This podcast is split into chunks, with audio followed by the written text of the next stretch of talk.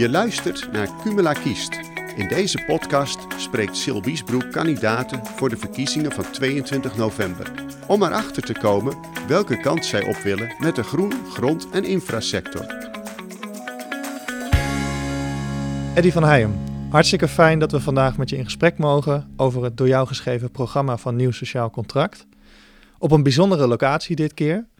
We zijn namelijk te gast bij Cumula bedrijf Kooiker van Dieren in Laag-Zuttem. Dit is een bekende omgeving voor jou, begrijp ik. Ja, zeker. Een prachtig bedrijf. 100 jaar bestaat het al, hè? Wat was het twee jaar geleden? Hij zit hier naast me. Ik weet niet of ik mag kijken. Ja. Uh, ja, niet in hij is aanwezig. Ja, hij is aanwezig. Ja. Um, ja, en uh, heel fijn dat we het hier konden opnemen. Maar het is natuurlijk ook wel een, uh, een regio waar de landbouw, maar ook het midden- en kleinbedrijf ontzettend belangrijk is. Um, en die ook een beetje verweven is met die agrarische sector. Dus dat is ook een reden om het hier te willen doen. Ja, mooi. Je hebt uh, als voormalig CDA uh, je kandidaat gesteld voor een nieuw sociaal contract. Waarom heb je de keuze gemaakt voor deze nieuwe partij? Nou, ik was zelf uh, wel vervreemd geraakt van het CDA de afgelopen jaren. Ik ben gedeputeerde geweest in Overijssel. bezig geweest met, ook met midden- en kleinbedrijven en, en platteland. En heb ook in die tijd behoorlijk uh, mij kritisch uitgelaten over het beleid van de Rijksoverheid. Het bijzonder dan ook van het, uh, ook van het CDA, waar ik misschien had, van had verwacht dat men daar wat, wat kritischer en wat scherper op zou reageren. Uh, ben daarna gestopt als gedeputeerde en op een gegeven moment weer met Pieter in contact geraakt. Die heeft mij gevraagd van, doe je mee met mijn beweging? En ik heb daar zelf het gevoel bij, dat is ook de reden om kandidaat te willen stellen dat hij een aantal van die uh, zaken waar ik eerder ook kritiek op had, namelijk het onvoldoende luisteren naar de regio, te veel op basis van modellen sturen, te weinig luisteren naar waar hè, mensen in de uitvoeringspraktijk, uh, ondernemers, uh, inwoners mee te maken hebben. Ja, dat hij dat echt wil aanpakken. En ja, weet je, dat motiveert mij om, om het toch weer beschikbaar te stellen. Was dan voor jou het probleem met het CDA een kloof die er bestond tussen het Rijk en luisteren naar de regio? Ja, in, in twee opzichten. De regio dan in de zin van uh, ruimte die gemeenten en provincies gewoon soms nodig hebben om verstandig beleid te, te voeren. Even het stikstofbeleid als, als voorbeeld. Ik geloof er echt heel erg in dat, dat je op regionaal niveau samen met, met boeren, terreinbeheerders en allerlei betrokkenen prima in staat bent om problemen op te lossen. En dat je dat niet helemaal vanuit Den Haag moet voorschrijven. Maar ook inderdaad uh, het gezonde verstand wat gewoon bij mensen in de praktijk aanwezig is om om problemen te helpen oplossen. Daar, daar, moet je veel meer gebruik van maken. Dat hebben we ook geprobeerd en ik hoop dat dat zal vast nog terugkomen in het gesprek, maar in het programma een plek te geven. Minder sturen op modellen. Echt kijken wat is nou je probleem en hoe los je dat samen met uh, de sector op. Oké, ja, je refereert inderdaad al naar stikstof, daar wou ik het even over hebben. In jullie verkiezingsprogramma staat het volgende: de stikstofcrisis verlamt de economie, remt de woningbouw en de impasse vertraagt ook het natuurherstel. Wat gaan jullie doen om het land van het slot te krijgen? Nou, door het echt over een andere boeg te gooien en te zeggen dat we, we hebben onszelf enorm in de problemen gemanoeuvreerd met die stikstofregels. We gaan daarin ook echt verder dan wat Europa ons voorschrijft. Uh, we hebben de fout gemaakt, denk ik, door uh, heel erg op de depositie te willen sturen. Dus op de, de, de micromollen bijna die op de natuurgebieden uh, neerdalen.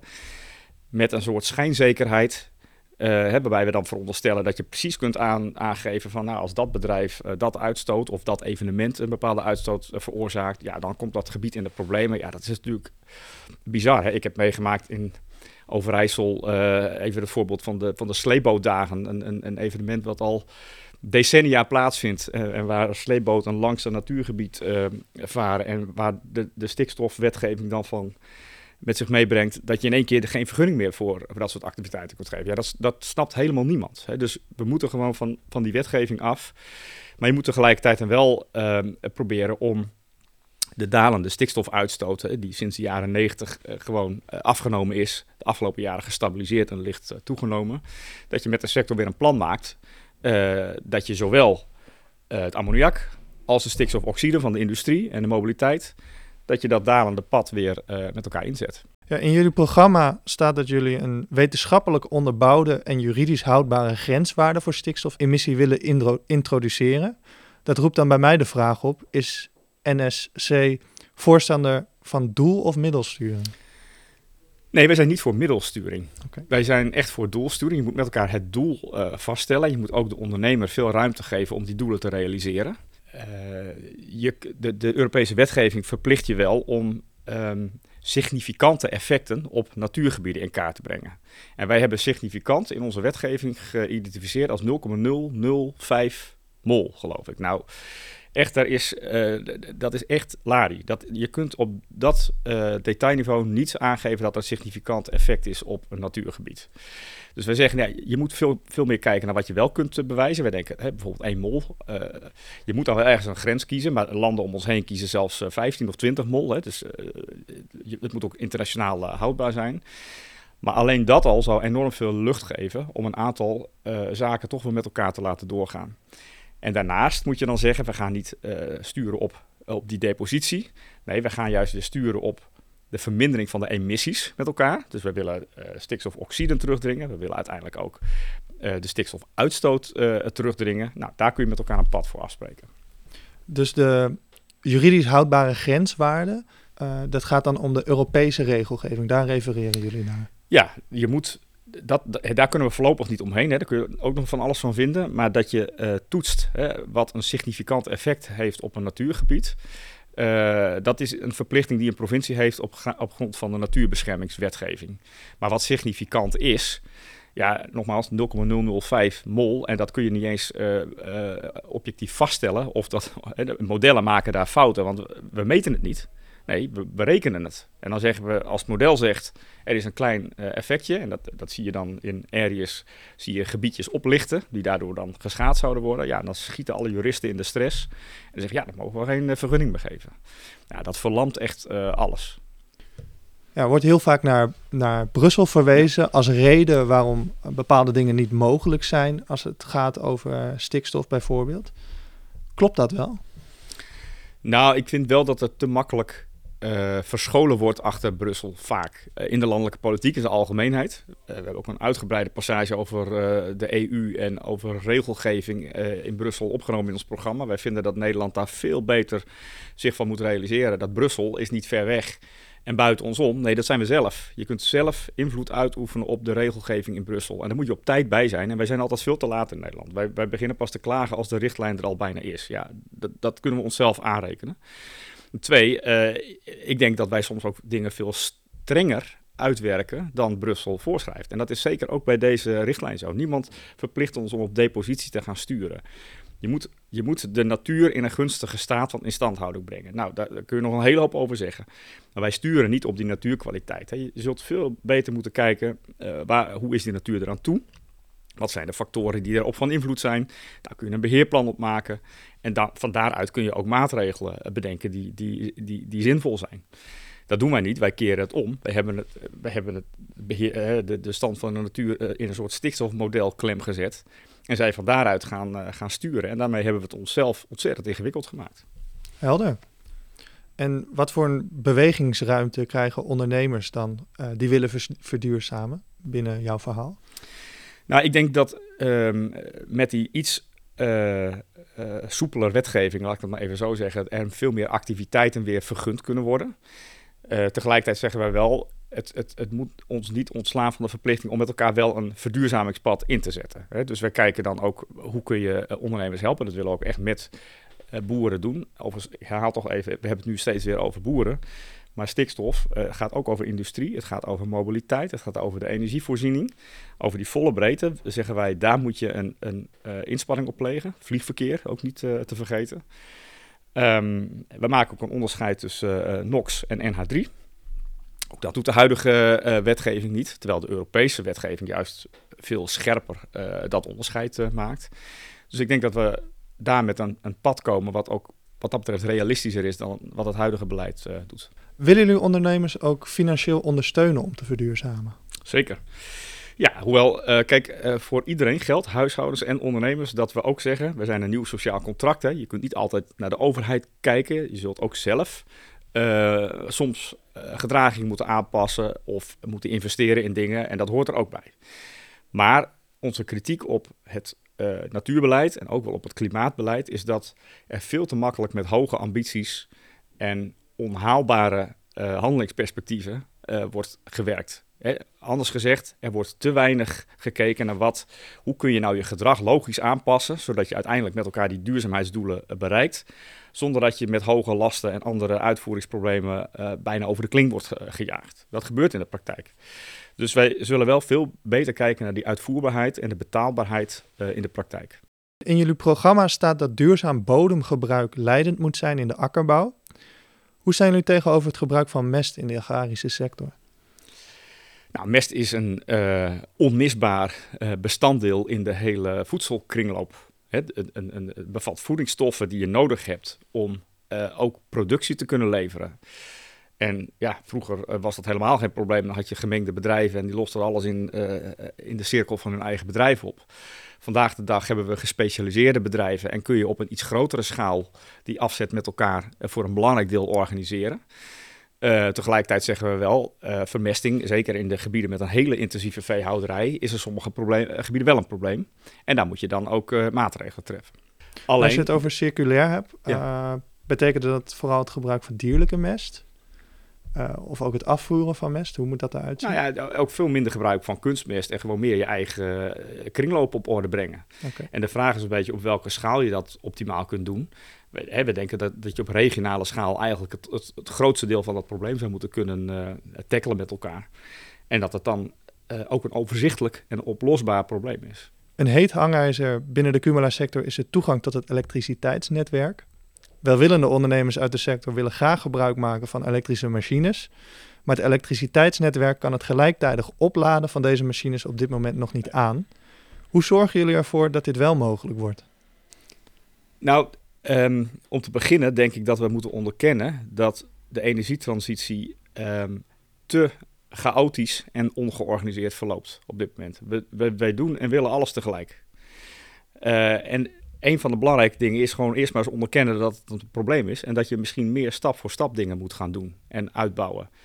Uh, want diezelfde ondernemers, het gaat niet alleen voor ondernemers die niet op het net kunnen. Uh, het, zijn ook uh, huishoudens, nieuwe projecten, nieuwe woonwijken waar, waar dat voor geldt. En ondertussen verdubbelen we de gasbelasting.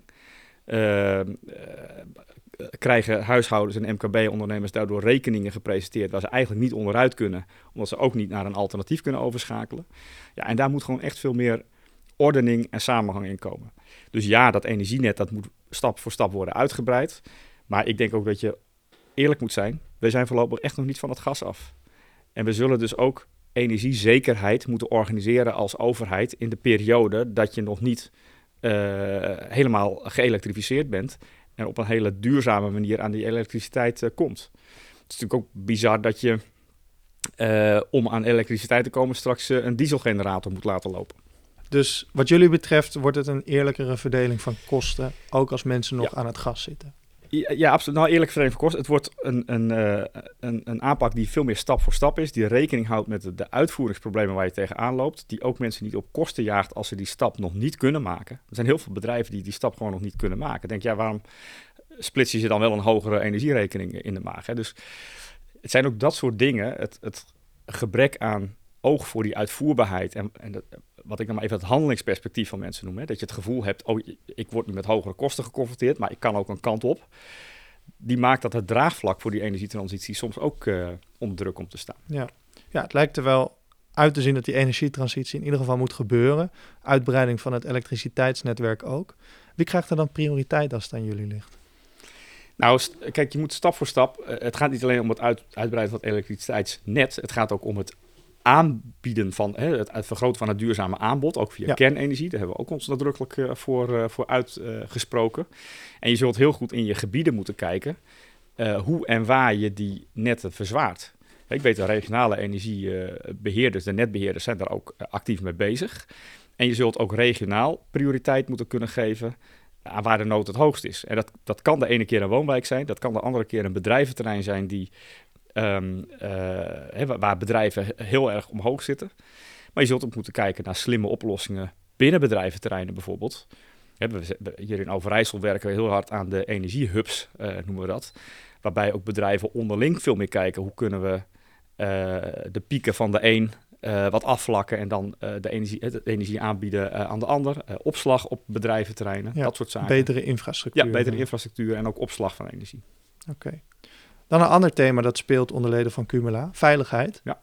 NSC wil zware georganiseerde criminaliteit grondig aanpakken. Hebben jullie hierbij ook oog voor bijvoorbeeld de georganiseerde GPS-diefstal, waar veel mensen in de groengrond- en infrasector mee te maken hebben?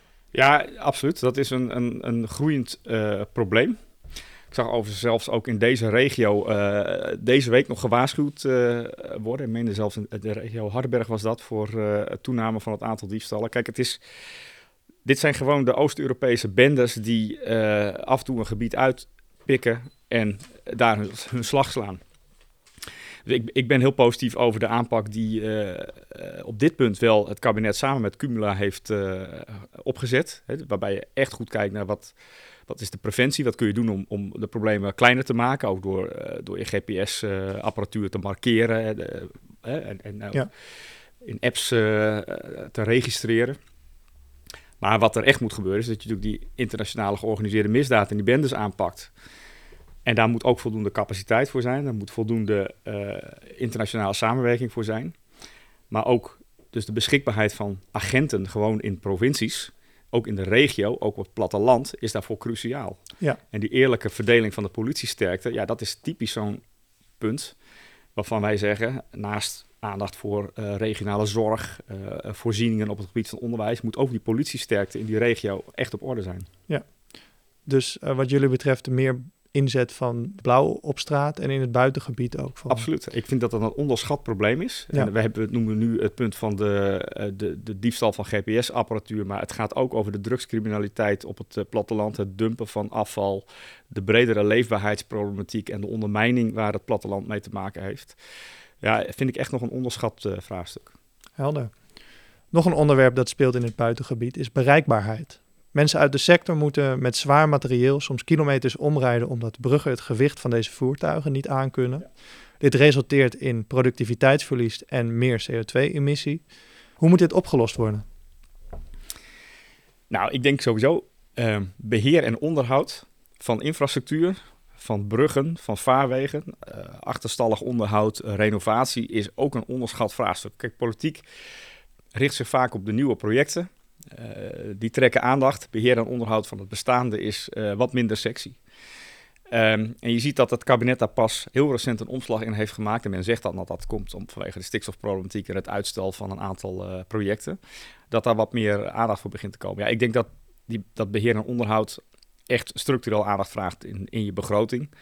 En um, uh, ja, dat de politiek daar ook moet voor, uh, voor moet durven staan. Ja, er is veel sprake van achterstallig onderhoud van kunstwerken. Ja. Zoveel zelfs dat je misschien kan zeggen, daar moet je prioriteiten in stellen, omdat je niet alles tegelijkertijd kan doen. Welke plek hebben die bruggen in het buitengebied? Um, nou, ik, dat, dan zou ik eigenlijk concreter moeten kunnen antwoorden op waar is het nu een probleem en waar zijn ze wegbezuinigd of waar is het een, een, uh, een, aandachtspunt.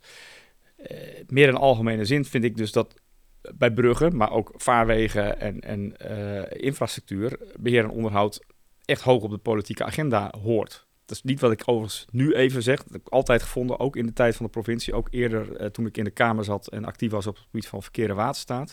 Beheer en onderhoud is echt een, een, een, een kerntaak van de overheid. Het onderhouden van je infrastructuur in goede staat. Um, daar moet, daarvoor moet je echt op de lange termijn uh, kijken. Ja, en dat is in, in de politiek soms een lastig, lastig thema, omdat we altijd liever uh, praten over uitbreidingen en nieuwe dingen. Maar daar moet je toch weerstand tegen bieden. Er lijkt in de Tweede Kamer overeenstemming over de gedachte dat meer werken beter moet lonen. Hoe willen jullie een situatie waarin meer werken minder goed loont in de toekomst voorkomen? Meer werken loont op dit moment niet. Uh, ik denk dat we dat gewoon kunnen, kunnen zeggen. We hebben ons uh, belastingstelsel uh, en ons hele inkomensgebouw zo ontzettend ingewikkeld gemaakt. Met, um, he, er worden discussies gevoerd over het minimumloon uh, en over cao-lonen, maar in de praktijk heb je te maken met toeslagen. Je hebt te maken met allerlei vormen van kortingen, arbeidskortingen, combinatiekortingen, die uiteindelijk het meer werken um, niet lonend maken. Niet vanuit een uitkering naar werk, maar ook niet als je bijvoorbeeld van een klein baantje naar meer uren zou willen gaan. En wat daarvoor nodig is, is dat dat, dat hele stelsel echt op de schop gaat. Daarvan hebben, zeggen wij ook in ons programma dat dat is hoog nodig dat dat gebeurt. Dat is echt achterstallig onderhoud. We hebben die kerstboom veel te vol gehangen. Maar dat is niet iets wat je van jaar 1 op jaar 2 even kunt doen. Omdat de inkomensgevolgen daarvan moet je echt goed uh, in beeld brengen. En dat is iets wat je ook stapsgewijs uh, moet doen. Netto resultaat moet wel zijn dat als jij een uur meer gaat werken, of je partner gaat een uur meer werken, dat je er ook daadwerkelijk iets meer netto van te besteden hebt. En dat is op dit moment echt het grote probleem. Dus je geeft aan het hervormen van het belastingstelsel, dat gaat lang duren. Ja. Dat is een heel proces wat je ingaat. Hoe gaat het verloop van het proces, als het aan jullie ligt, eruit zien? Nou, daar beginnen we op dag één mee. Dit is echt een prioriteit uh, ook voor, voor onze partij, omdat de, uh, dat, ook, dat probleem zich met name bij lagere en middeninkomens voordoet. Niet bij de hogere. Uh, met name bij die lagere en middeninkomens. En dat komt omdat die, dat samenspel met die kortingen en met die toeslagen zo ingewikkeld is. Dus hoe minder toeslagen en hoe minder kortingen, en hoe, hoe meer je overhoudt van uh, het, loonstrookje, als je daadwerkelijk uh, het betaalde loon per uur of het aantal uren toeneemt, dat je ook gewoon netto meer overhoudt. Zo simpel zou het moeten zijn. Ja, en zo simpel is het helaas niet meer. Duidelijk. Dus we beginnen daar op dag 1 mee. We, we hebben ook gezegd, we, we, maken daar een aparte parlementaire commissie voor, die dat ook vanaf het begin begeleidt. Maar de regering zal daar vanaf dag 1 mee aan, de, aan de slag moeten. Hoe zorg je er nou voor dat op korte termijn mensen die overwerken uh, daar niet buitensporig veel belasting voor moeten betalen, zodat ze er bijna niks aan overhouden van die uren die overgewerkt zijn. Ja, dat hangt dus echt ook samen met, met die hervorming van het stelsel. Maar op korte termijn zul je er ook echt voor moeten zorgen dat, ja, wat dan ingewikkeld heet, de marginale druk op dat gewerkte uur. Hè, dus het, het, het, percentage wat je kwijt bent doordat je meer uren gaat werken, dat dat afneemt. En dat kan alleen maar door heel kritisch naar die, bijvoorbeeld naar de arbeidskorting uh, te kijken. Die, die moet je dan ook minder stijl uh, laten afbouwen.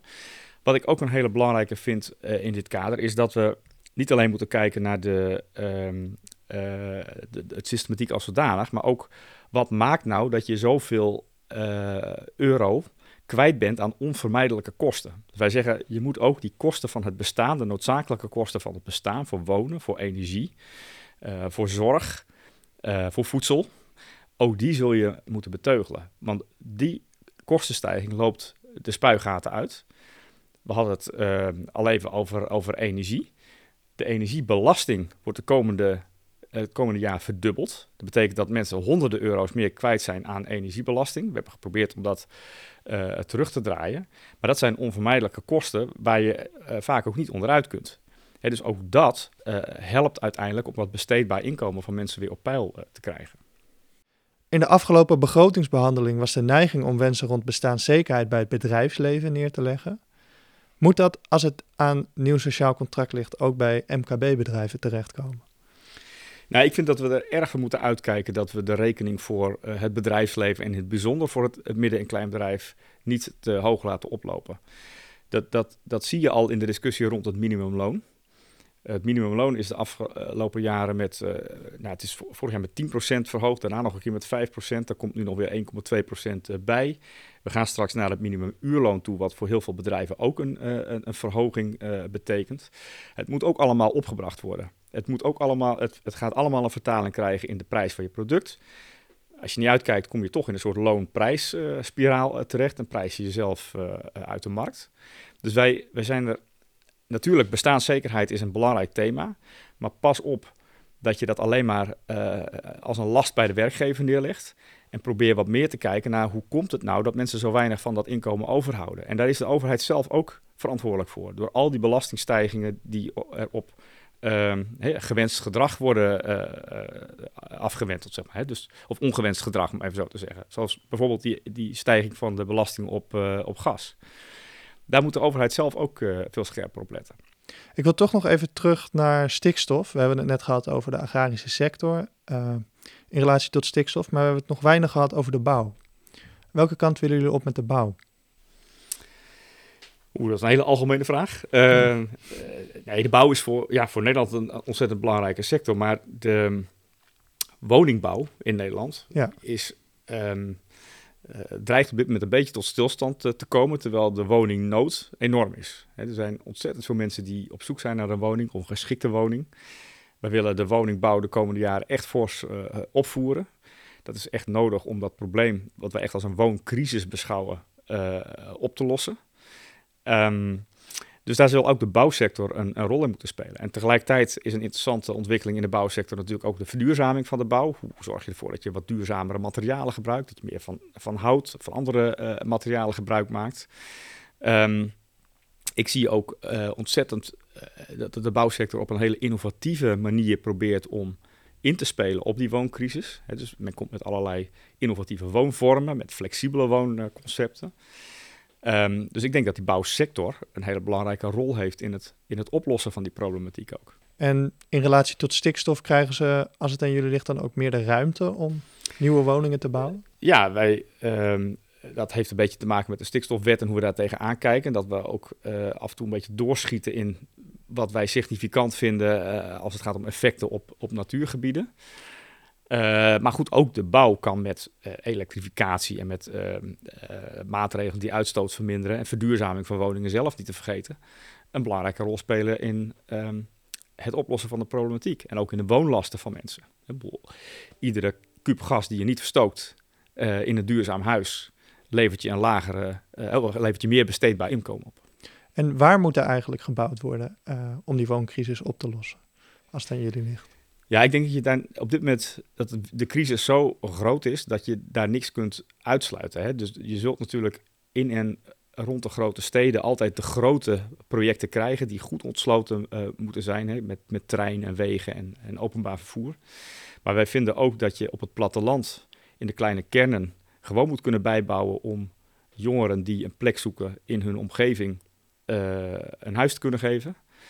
Uh, dus wij zullen geen uh, strakke rode contouren vragen van provincies. Hè. Soms zit dat, uh, die ontwikkeling best nog wel eens in de weg. dus die ruimte moet er over de volle breedte zijn. Duidelijk. Omdat we vandaag te gast zijn bij Koiker van Dieren, willen we Jaap Major als stem uit de sector ook de kans geven om een vraag te stellen. Jaap, wat zou je graag van Eddy willen weten? Ik had een paar vragen opgesteld. Alleen uh, naar aanleiding van het gesprek uh, kwam een andere vraag bij mij op. Uh, ik heb steeds meer het idee dat we, door, we zo, dat we zoveel regels gemaakt hebben dat alles extreem duur wordt. Overal zijn adviesbureaus, die gaan met al het geld er dan vandoor.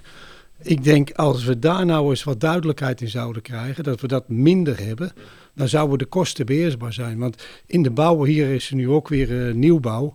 Er zijn weer mensen die gewoon afhaken, omdat het gewoon financieel niet haalbaar is. Maar vooral door alle regels. Dus hoe denkt u daarmee om te gaan? Met al die extra regels die we bedenken. Nou, ja, ik vind het een terecht uh, zorg.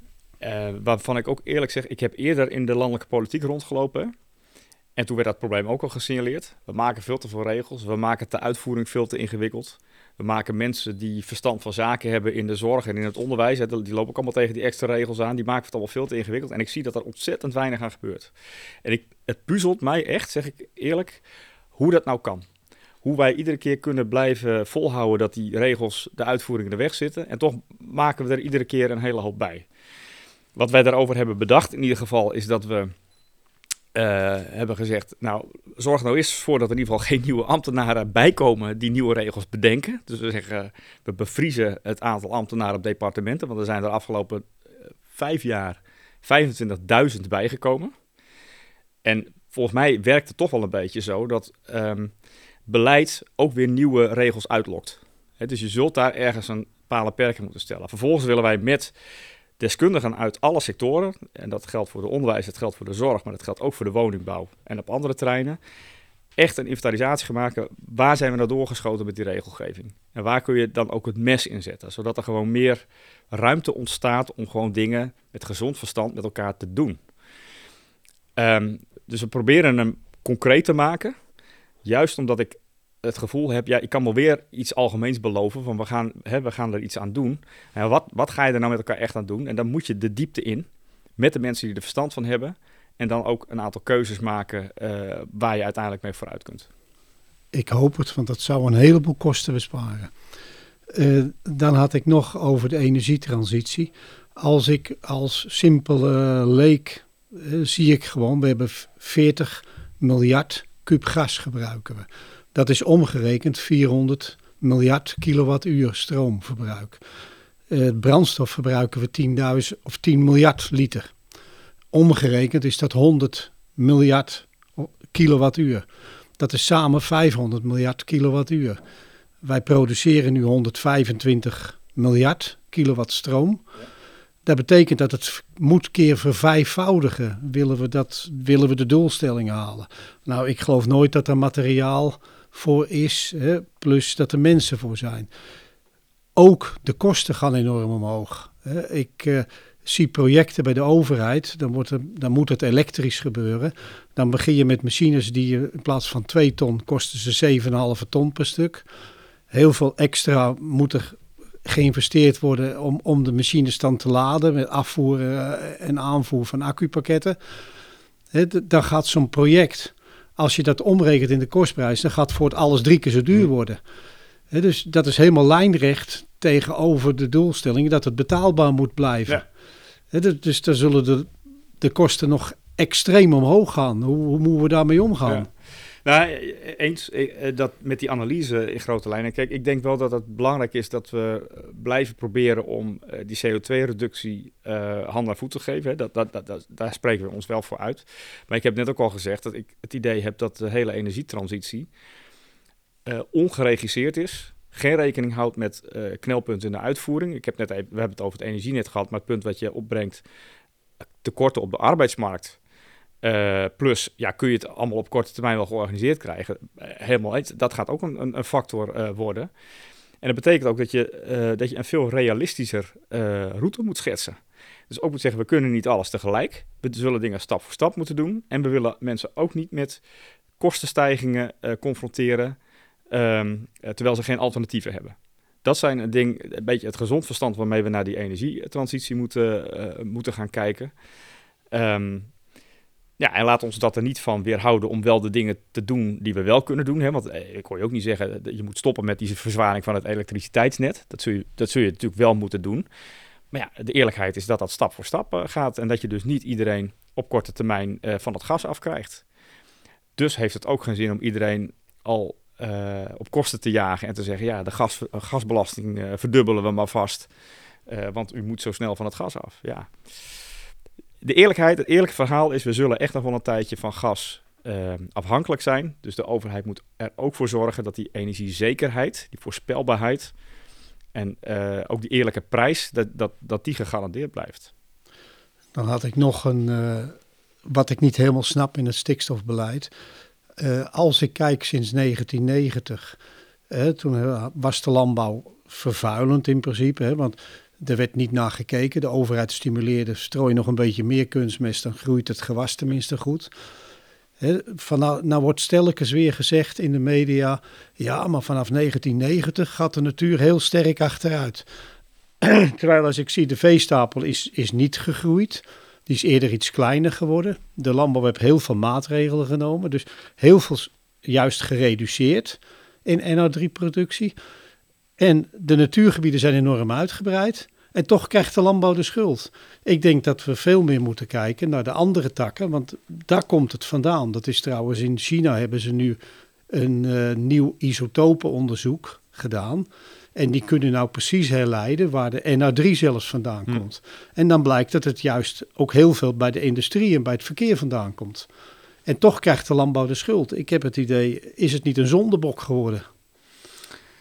Nou, voor het gevoel van heel veel boeren wel in elk geval. En ik denk ook dat dat, ik kan dat heel goed begrijpen, omdat ook de afgelopen jaren in het beleid het voortdurend alleen maar over de landbouw is gegaan in relatie tot de natuurgebieden. En die twee dingen willen wij echt uit elkaar trekken. En we zeggen, je moet, uh, we willen de, de, de staat van instandhouding van die natuur, daar willen we ons bijdrage aan leveren. Dan moet je, maar dan moet je ook eerlijk kijken naar wat bepaalt nou dat die natuur voor of achteruit gaat. gaat. En dat is helemaal niet, en soms zelfs niet in de eerste plaats, uh, ammoniak of stikstof. Um, en tegelijkertijd ja, zul je in de volle breedte, dus ook het vliegverkeer, ook de mobiliteit, ook de industrie en ook, ook de boeren, zul je uh, dat, uh, dat pad van die daling van die stikstofuitstoot, hè, die sinds de jaren negentig gewoon een feit is, die nu gestagneerd is, daar, daar kun je met elkaar weer het pad naar beneden vinden. Daar ben ik van overtuigd. Um, En daar, daar is niet voor nodig dat we iemand de schuld geven. Daar is gewoon voor nodig dat je met elkaar weer kijkt: oké, waar staan we nu? Uh, wat is de opgave? Ja, en dan ga je daar uh, stappen in zetten. Bedankt Jaap Major voor deze waardevolle vragen. Tot slot wou ik nog een uh, wat algemenere vraag stellen. Nederland lijkt soms op een land van tegenstellingen geworden. Klimaat tegenover economie, ondernemers tegenover politici en arm tegenover rijk. Hoe gaat nieuw sociaal contract hiermee om? Nou, ik herken het wel. Um, zeg maar, niet alleen dat er tegenstellingen er zijn, want ik denk dat er in de samenleving altijd wel tegenstellingen zijn en ook zijn geweest, maar ook in het onvermogen om uh, uh, met elkaar daarover in gesprek te raken en dan vervolgens ook de oplossingen erbij te zoeken. Daar maak ik me misschien nog wel meer zorgen over. Hè? Dus het, de, de, polarisatie en de toon waarop we vervolgens met elkaar in discussie gaan. Ja, wij heten nieuw sociaal contract, omdat we er uiteindelijk in geloven dat, dat die balans tussen overheid en samenleving hersteld moet worden, maar ook dat die samenleving zelf daar een hele belangrijke rol in speelt. Dus we zullen echt ook een poging moeten doen om die tegengestelde belangen met elkaar in gesprek te brengen en daaruit ook weer de goede oplossingen te halen. Uh, en heel veel dingen die we besproken hebben, die raken daar wel aan. Als het gaat over de spanning op het platteland en stikstof en op, zijn natuurlijk boeren en natuur en andere belangen ook enorm tegenover elkaar gezet. Terwijl ik denk, ja, uiteindelijk moet je toch ook weer samen uh, vooruit. Want er is geen inwoner die natuur niet belangrijk vindt. Er is geen inwoner die zegt, ik vind voedsel en agrarische sector niet belangrijk. Nou, die zijn er misschien af en toe wel. Die moeten misschien weer wat bewust uh, gemaakt worden van het feit dat, uh, dat dat niet uit de supermarkt komt, maar dat je daar ook echt boeren voor nodig hebt. Uh, maar dat goede gesprek daarover organiseren, ja, daar, daar zien wij echt wel de, de uitdaging. En dan moet je dus problemen niet, daar moet je je niet je hoofd voor in het zand steken. Dus als er een probleem is, dan moet je het ook, dan moet je het ook eerlijk op tafel leggen. En met mensen dan oplossingen bedenken. Ja, dat is wel waar ik in, in geloof. En waarvan ik ook hoop dat, dat die toon van het debat uh, ook de komende jaren weer wat terugkomt. Dus minder, minder op Twitter en minder elkaar overal de schuld van geven en gewoon uh, het goede gesprek en de oplossing. Eddie van Heijem, hartelijk dank voor dit interview en succes met de campagne.